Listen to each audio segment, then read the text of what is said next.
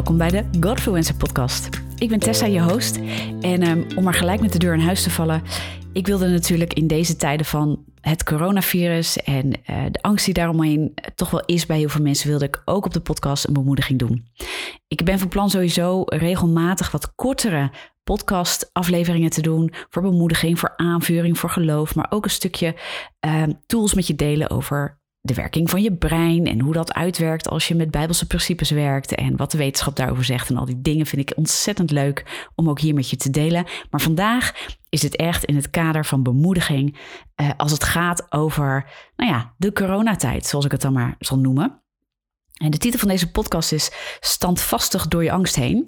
En dat komt eigenlijk voort uit bemoedigingen die ik de afgelopen week ook een beetje heb gedaan, of een beetje, ik heb bemoedigingen gedaan op uh, Instagram via IGTV. Dat zijn eigenlijk korte video's die ik daar plaats om mensen op Instagram ook een hart onder de riem te steken. Maar ja, misschien heb je geen Instagram of misschien wil je gewoon even een wat langere versie of net even een iets andere benadering weer horen. Wil je even niet kijken, maar gewoon lekker twee doppen in je oor stoppen. En vandaar deze podcast voor jou. Dus um, we duiken ook gelijk maar even het woord in, want ik deelde um, op IGTV van Instagram de tekst uit 2 Timotheus 1 vers 7. Wat God heeft ons niet gegeven een geest van vreesachtigheid, maar van kracht en liefde en bezonnenheid. En de context raakte mij heel erg en daarbij liet God me echt iets zien over hoe hij kijkt ook naar onze angst. Paulus bemoedigt hier Timotheus ook echt met deze woorden in een tijd van verdrukking. In een tijd dat hij uh, ook tranen heeft. Want er staat ook in vers 4, dus uh, iets omhoog uh, in de verse.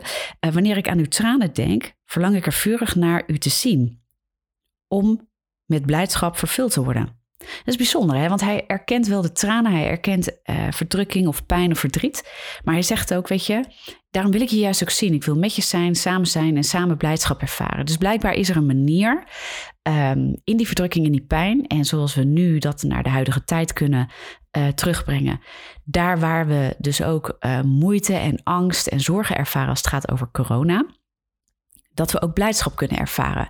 En ik denk dat dat zit in een stuk bemoediging. Dus elkaar opzoeken, elkaar daadwerkelijk aanvuren, elkaar wijzen op woorden van geloof, elkaar wijzen op de goede dingen, elkaar wijzen op uh, wat er allemaal nog goed gaat en dat soort dingen is natuurlijk ook heel goed. Maar ook gewoon erkennen, ik zie je verdriet, ik zie je angst, ik zie je zorgen, ik sta met je. En dat vind ik heel gaaf.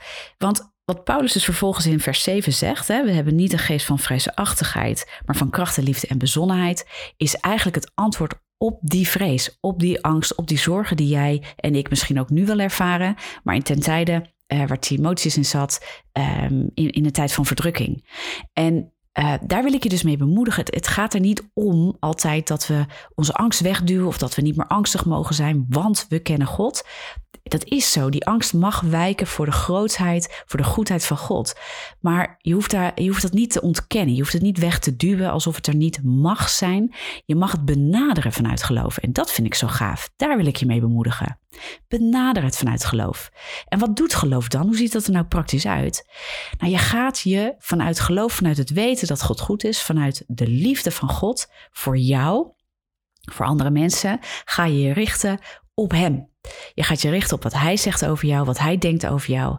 En je gaat je richten op saamhorigheid, je gaat je richten op eenheid. Je gaat kijken waar je tot hulp kunt zijn voor anderen. Je gaat aangeven waar je zelf hulp en behoefte hebt. Uh, misschien aan een stukje liefde, aan bemoediging, aan een, um, aan een stukje aandacht of het horen van het woord. Daarom doe ik dit ook.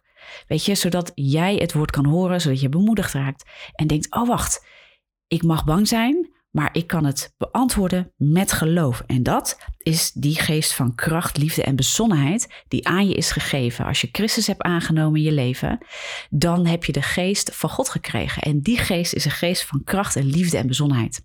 En bezonnenheid, het Engels noemt het zo mooi self-discipline.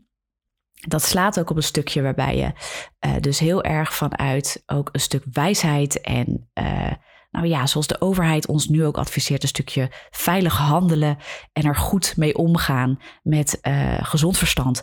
Dat heeft er ook wel gelijk mee te maken.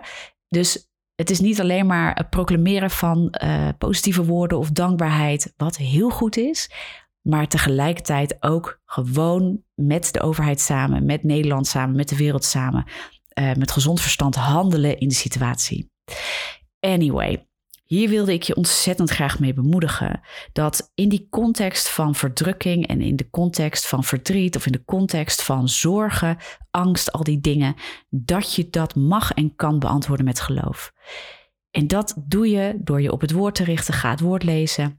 Ga bedenken wie God is voor jou. Ga bedenken wie God is voor deze wereld. En stap daarin. Spreek dat over je eigen leven uit. Uh, ga je ook.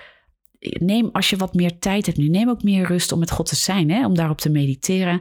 En ga ook dingen bedenken waardoor jij de wereld ook weer een stukje mooier kan maken. Ik zie heel veel mensen die nu boodschappen gaan doen voor de mensen die in quarantaine zitten.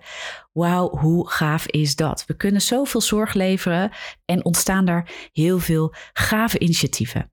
Nou, daar wil ik je mee bemoedigen. Uh, deel deze podcast ook. Zorg dat je uh, abonneert. Zorg dat je andere mensen op de hoogte stelt hiervan. Uh, ga eventueel ook naar mijn YouTube-kanaal. Tessa van Olst kun je me op YouTube vinden. Uh, als je op Instagram en Facebook ergens zit, verbind je daar. Dan kan ik je blijven bemoedigen. Ook in tijden uh, buiten het coronavirus. Want dit is natuurlijk wat ik heel graag doe.